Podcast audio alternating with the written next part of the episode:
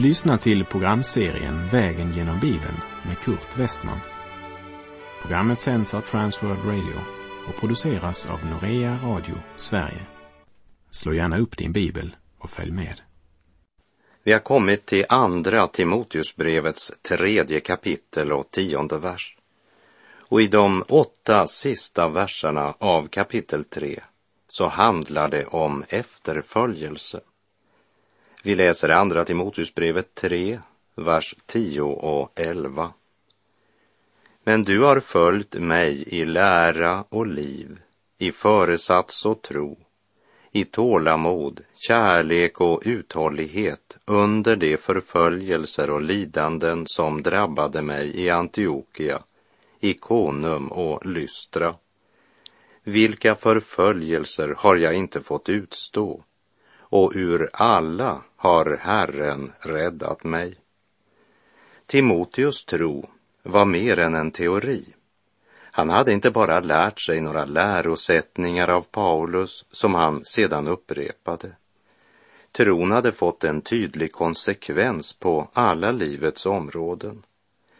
Timoteus tvekade inte för att gå i Paulus fotspår, även om han mycket väl visste vad det hade fört till av lidande i Paulus liv. Timoteus var väl informerad om vad Paulus hade genomgått på sina missionsresor. Till exempel när Paulus var i Lystra så blev han stenad. Och så gick man därifrån därför att man trodde att han var död, vilket jag personligen också tror att han var. Men Gud uppväckte honom men hur kan Paulus säga om förföljelserna han fått utstå och ur alla har Herren räddat mig? Han hade ju inte sluppit förföljelsen. Han hade inte sluppit undan lidande och inte undgått nöd och svårigheter.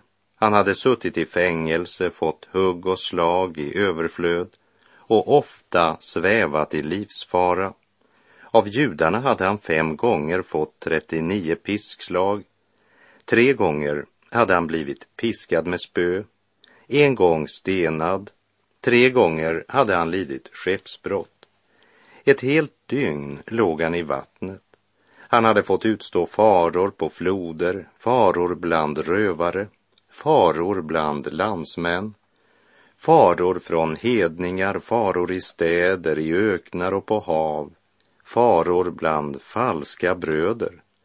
Allt under arbete och slit, ofta under vaknätter, under hunger och törst, ofta utan mat, frusen och naken, som han själv berättar i Andra Korinterbrevets elfte kapitel.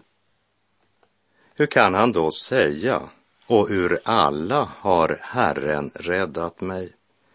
Jo, Genom allt detta har han inte bara bevarat tron, men han har blivit styrkt i tron och kommit ännu närmare Jesus genom att dela också lidandes gemenskapen. I Filipperbrevet 1, vers 29 står det Ty för Kristi skull har ni fått nåd, inte bara att tro på honom, utan också att lida för hans skull eftersom ni har samma strid att utkämpa som ni såg att jag hade och nu hör att jag har. Och i Filipperbrevet 3, vers 10, då känner jag Kristus och kraften från hans uppståndelse och delar hans lidanden. Redan i första Korinthierbrevet 4.17 kallar Paulus Timoteus för mitt älskade och trofasta barn i Herren. Och så säger han till de troende i Korint att Timoteus skall påminna er om vad jag undervisar i Kristus Jesus, det jag överallt lär ut i alla församlingar. Paulus litade på att Timoteus kunde fortsätta undervisningen i Korint för Timoteus hade inte bara ett personligt och levande vittnesbörd. Det han talade, det hade också stadfästs genom hans liv i vardagen, genom hans tro, hans tålamod, hans kärlek och inte minst hans uthållighet. Och Timoteus visste att det som Paulus varit tvungen att möta på grund av att han var en Jesu efterföljare, det gällde inte bara Paulus, men alla som ville vara Jesu lärjungar. Och Paulus påminner sin unge vän om just den sanningen. Vi läser i Andra Timoteusbrevet 3, vers 12. Så kommer också alla som vill leva gudfruktigt i Kristus Jesus att förföljas. Paulus påminner Timoteus att om han ska fortsätta som en Jesu efterföljare måste han räkna med förföljelse och svårigheter.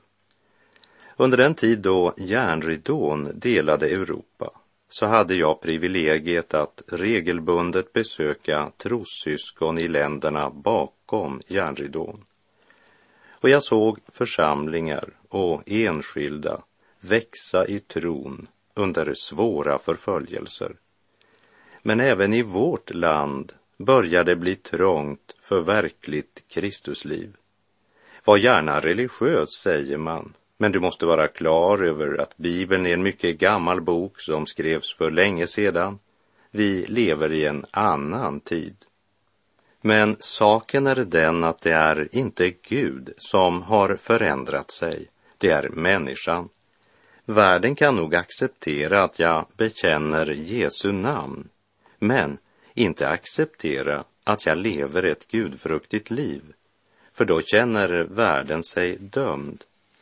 Låt oss ha klart för oss att Guds ord säger inte att de flesta av Kristi efterföljare kommer att bli förföljda.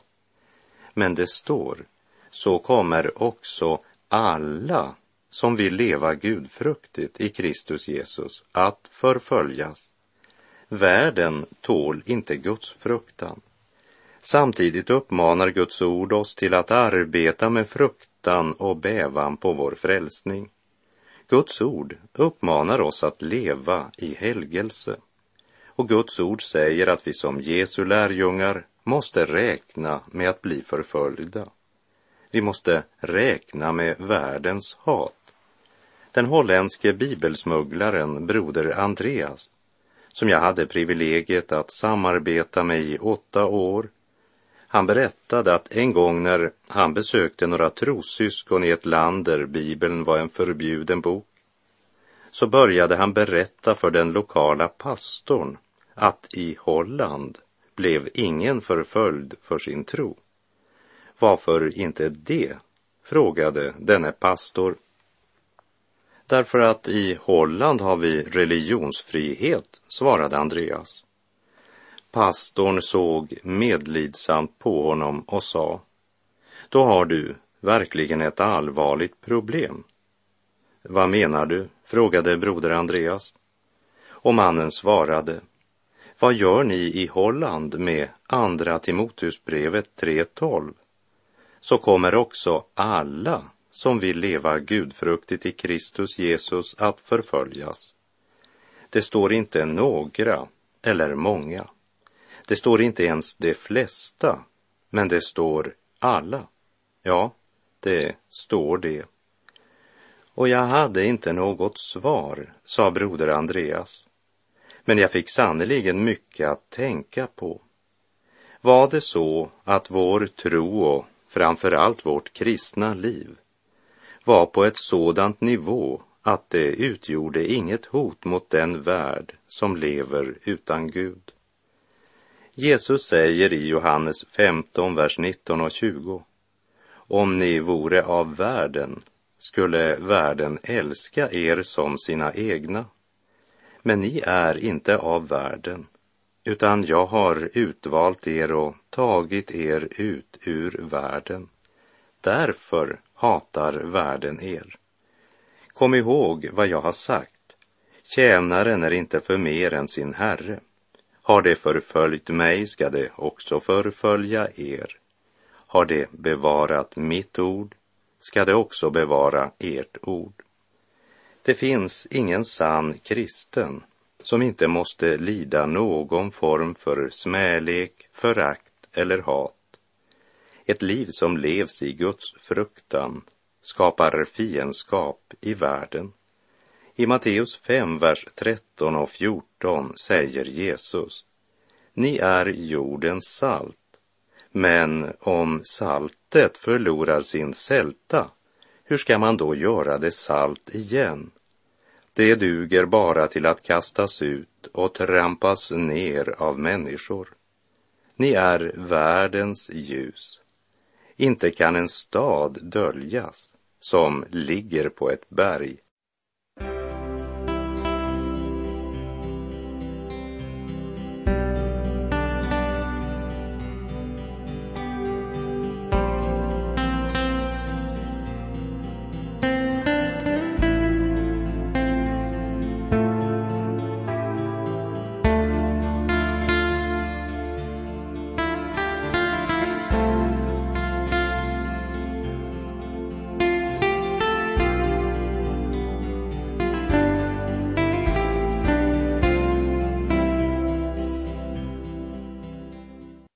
Vi läser i Andra Timoteusbrevet kapitel 3, vers 13. Men onda människor och bedragare ska göra framsteg till det sämre. De bedrar och blir själva bedragna. Jesus han uttrycker det så här i Johannes 3, vers 19 och 20. Och detta är domen Ljuset kom till världen och människorna älskade mörkret och inte ljuset, eftersom deras gärningar var onda. Ty var och en som gör det onda hatar ljuset och kommer inte till ljuset för att hans gärningar inte ska avslöjas. I vers 8 och 9 sa Paulus att sådana som Jannes och Jambres inte skulle ha någon framgång i Guds församling eftersom deras galenskap skall bli uppenbar. Men i världen är det mörkret som råder och där får det onda framgång. Det kommer att bli värre och värre. Blinda kommer att leda blinda och under falsk trygghet kommer världen att hasta mot stupet. Det bedrar och blir själva bedragna. Det är syndens makt. Syndaren blir till sist själv offret. Men hur kan då ett Guds barn leva ett liv i tro i en tid där allt runt omkring oss försöker kväva vår tro och där onda människor och bedragare gör framsteg till det sämre? Ja, låt oss se vilket råd aposteln Paulus ger sin unga medarbetare Timoteus. Vi läser andra Timoteusbrevet 3, vers 14 och 15. Men håll fast vid det som du har lärt dig och blivit överbevisad om. Du vet av vilka du har lärt det och du känner från barndomen de heliga skrifterna som kan göra dig vis så att du blir frälst genom tron på Kristus Jesus. Enda säkra motgiftet mot avfallet i världen, det är Guds ord. Jesus sista ord på korset är, det är fullbordat. Efter Jesu försoningsverk och hans segerrika uppståndelse så är ett av evangeliets nyckelord orden ta emot. Synden är sonad, skulden är betald och den som har fått sin synd förlåten, honom kan Gud välsigna. I Andra Korinthierbrevet 1, vers 20 står det, ty alla Guds löften har i Kristus fått sitt ja, därför får det också genom honom sitt amen, för att Gud ska bli ärad genom oss. Ta emot. Ta emot syndernas förlåtelse. Ta emot den helige Andes gåva. Ta emot frälsningens hjälm och Andens svärd som är Guds ord, säger Paulus i Efesebrevet 6.17.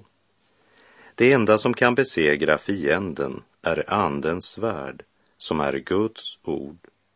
Och det är ett vapen varje kristen måste ta emot om han ska bevara tron och livet på sin vandring genom denna syndens värld.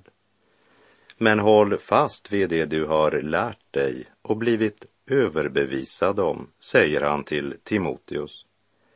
Det handlar alltså om något mera än en teologisk teori. Det handlar om något som Timoteus har blivit överbevisad om. Denna överbevisning, som är frälsningens under, det är en personlig överbevisning som konkret hade visat sig i Timoteus liv och hållningar, vardag som helg. Livet i Gud, tron, det var inte en ny hobby som Timoteus hade fått vid sidan av allt annat som upptog hans liv och tid. Nej, det handlade om en personlig överbevisning som ledde till Andens frukter i hans liv. Även om det finns mycken oenighet när det gäller helgelse och även när det gäller andlig utrustning och tjänsten för Gud så vill jag citera följande ord av George Werber. Genom mycket studerande och genom erfarenhet med hundratals människor har jag upptäckt att det viktigaste är inte om upplevelsen är som ett blixtnedslag eller en stilla svag röst. Det bryr mig inte heller om vilken beteckning du använder. Om du kallar det andedop ett djupare liv eller något annat. Det viktiga, det är var du befinner dig idag beträffande helighet. Är den helige Andes frukt uppenbar i ditt liv och utvecklas den? Några av de mest dynamiska, kraftfyllda, älskande och andefyllda kristna jag någonsin mött har aldrig haft någon särskild krisupplevelse. Hur ska vi kunna säga att en person måste ha en särskild typ av upplevelse för att vara andefylld? Det är mycket dåraktigt av en handfull extrema ivrare att försöka leda andra in i en dopsupplevelse. Att driva en erfarenhet istället för att upphöja Kristus. Det leder många in i förvirring. En del förskönar en erfarenhet för att bli accepterade i någon, i citationstecken, andlig grupp. Så långt George Werver. Och Paulus, han förmanar den unge Timoteus med följande ord. Men håll fast vid det som du har lärt dig och blivit överbevisad om. Du vet av vilka du har lärt det och du känner från barndomen de heliga skrifterna som kan göra dig vis så att du blir frälst genom tron på Kristus Jesus.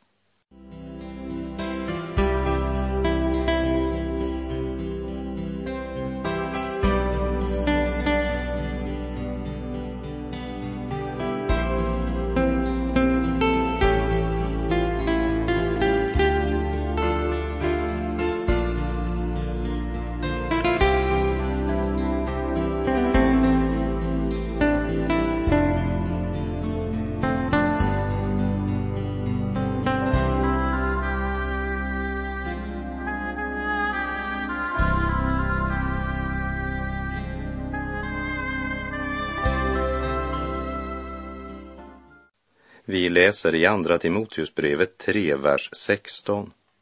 Hela skriften är utandad av Gud och nyttig till undervisning, till bestraffning, till upprättelse och till fostran i rättfärdighet. När Paulus säger hela skriften menar han hela skriften. Från Första Mosebok, Saltarsalmerna, profetböckerna och det nya testamentet som vittnar om uppfyllelsen av Guds löften. Utandad av Gud, det vill säga inspirerad av Gud. Det är Gud som talar till oss genom sitt ord. Ty allt som tidigare har skrivits är skrivet till vår undervisning för att vi genom den uthållighet som skrifterna ger ska bevara vårt hopp, står det i Romarbrevet 15.4. Och det fantastiska är att Gud använde människor för vilka han uppenbarade sig och genom vilka han talade. Det handlar alltså om ett dubbelt författarskap. Med andra ord, Gud själv är Bibelns författare, men sett från en annan sida så är det människan som är Bibelns författare. Bibeln är ju skriven av cirka 40 författare i en tidsperiod av cirka 1500 år. Varje författare uttryckte sina egna känslor och upplevelser i sin egen generation. Alla var de människor med sina begränsningar och sina brister. Också den gamle mannen Moses gjorde misstag i sitt liv. Men när han skrev de fem Moseböckerna så blev det inte några fel eller misstag i det han skrev ner. Så du ser att boken är en mänsklig bok och ändå är det en gudomlig bok. Gamla testamentets genomgående huvudtema är Kristus. Nya testamentets huvudtema är Jesus. Så att Bibelns gemensamma vittnesbörd är att Jesus är Kristus. Och att studera Guds ord, det skapar en förvissning i vårt hjärta. Så om du kan läsa Bibeln som vilken som helst annan bok så är inte Guds ande verksam i ditt liv. Men om boken talar till dig och överbevisar dig så vet du att Guds ande arbetar med dig. Andra Timoteusbrevet 3.16 är en av de verser som betytt mest för kristen tro och kristet liv genom tiderna. För den handlar om själva grundsynen på Bibeln både hur den blivit till och hur den ska praktiseras i våra liv idag. Vi läser vers 16 och 17. Hela skriften är utandad av Gud och nyttig till undervisning, till bestraffning, till upprättelse och till fostran i rättfärdighet för att Guds människan ska bli fullt färdig, väl rustad för varje god gärning. Den undervisning skriften ger, bestraffning och upprättelse och inte minst den fostran Guds ord ger, den har ett mål. Det är att Guds barn skall utrustas för goda gärningar. Därför skriver Paulus till de troende i Efesus i Efeserbrevet 2.10. Ty hans verk är vi, skapade i Kristus Jesus till goda gärningar, som Gud har förberett så att vi ska vandra i dem. När det står fullt färdig betyder det inte fullkomlig, men att växa upp till andlig mognad. Tyvärr finns det idag många bekännare som varit kristna i många år men fortfarande är spädbarn i Kristus. Den som växer utan att fostras av Guds ord blir lätt en kötslig kristen. Det vill säga, man är född på nytt, men man har inte haft någon andlig växt. Det är bara kroppen som utvecklas och det är onaturligt. Det finns inga genvägar till andlig mognad. Det handlar om att Guds ord bestraffar oss för det som är orätt men Guds ord ska också upprätta oss så att vi går med rak rygg. Paulus är mycket personlig i det han skriver i sitt brev. Timoteus hade blivit undervisad i Guds ord och han ska själv undervisa andra i Guds ord. Han skulle hålla fast vid det han hade lärt, för det var mer än en teori. Timoteus hade fått en fast övertygelse Hebreerbrevet 11.1 säger Tron är en övertygelse om det man hoppas, en visshet om det man inte ser. Denna visshet skulle Timoteus hålla fast på. Han skulle inte längre vara som ett barn som kastas hit och dit av vågorna och som förs bort av varje vindkast till läran när människorna bedriver sitt falska spel och i sin list förleder till villfarelse, som det står i Efeserbrevet 4.14. Guds ord är det enda verkliga motgiftet mot villoläror och avfall. Guds ord förmedlar budskapet om Herren Jesus Kristus. Frälsningen är en person. Och Herren Jesus är inte bara någon som vi pratar om i våra radioprogram eller på våra möten. Han är uppstånden och han är en levande frälsare som har makt att förvandla människors liv just nu. Det är honom skriften vittnar om. Och därför sänder vi i Norea Radio Sverige ut Guds ord till vårt eget land, men också till Indien, till Egypten, Israel, Afrika, Kina, Iran och många, många andra land. Och Guds ord ska inte vända tomt tillbaka. Herren säger genom profeten Jesaja i kapitel 55, vers 10 och 11. Liksom regnet och snön faller från himlen och inte återvänder dit förrän det vattnat jorden och gjort den fruktbar och ger säd till att så och bröd till att äta, så ska det vara med ordet som går ut från min mun. Förgäves ska det inte vända tillbaka till mig, utan att ha verkat vad jag vill och utfört det vartill jag har sänt ute. Och med det så är vår tid ute för den här gången. Jag säger på återhörande om du vill. Och jag avslutar med att än en gång läsa de två sista verserna i Andra Timoteusbrevets tredje kapitel. Lägg märke till vad som står skrivet där.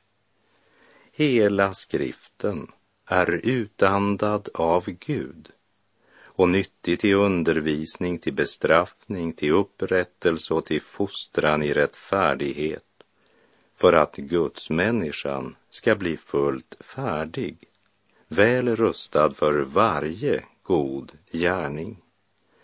Herren vare med dig. Må hans välsignelse vila över dig. Och må du leva i Guds ord så att Herren får fostra dig i rättfärdighet och utrusta dig för varje god gärning. Gud är god.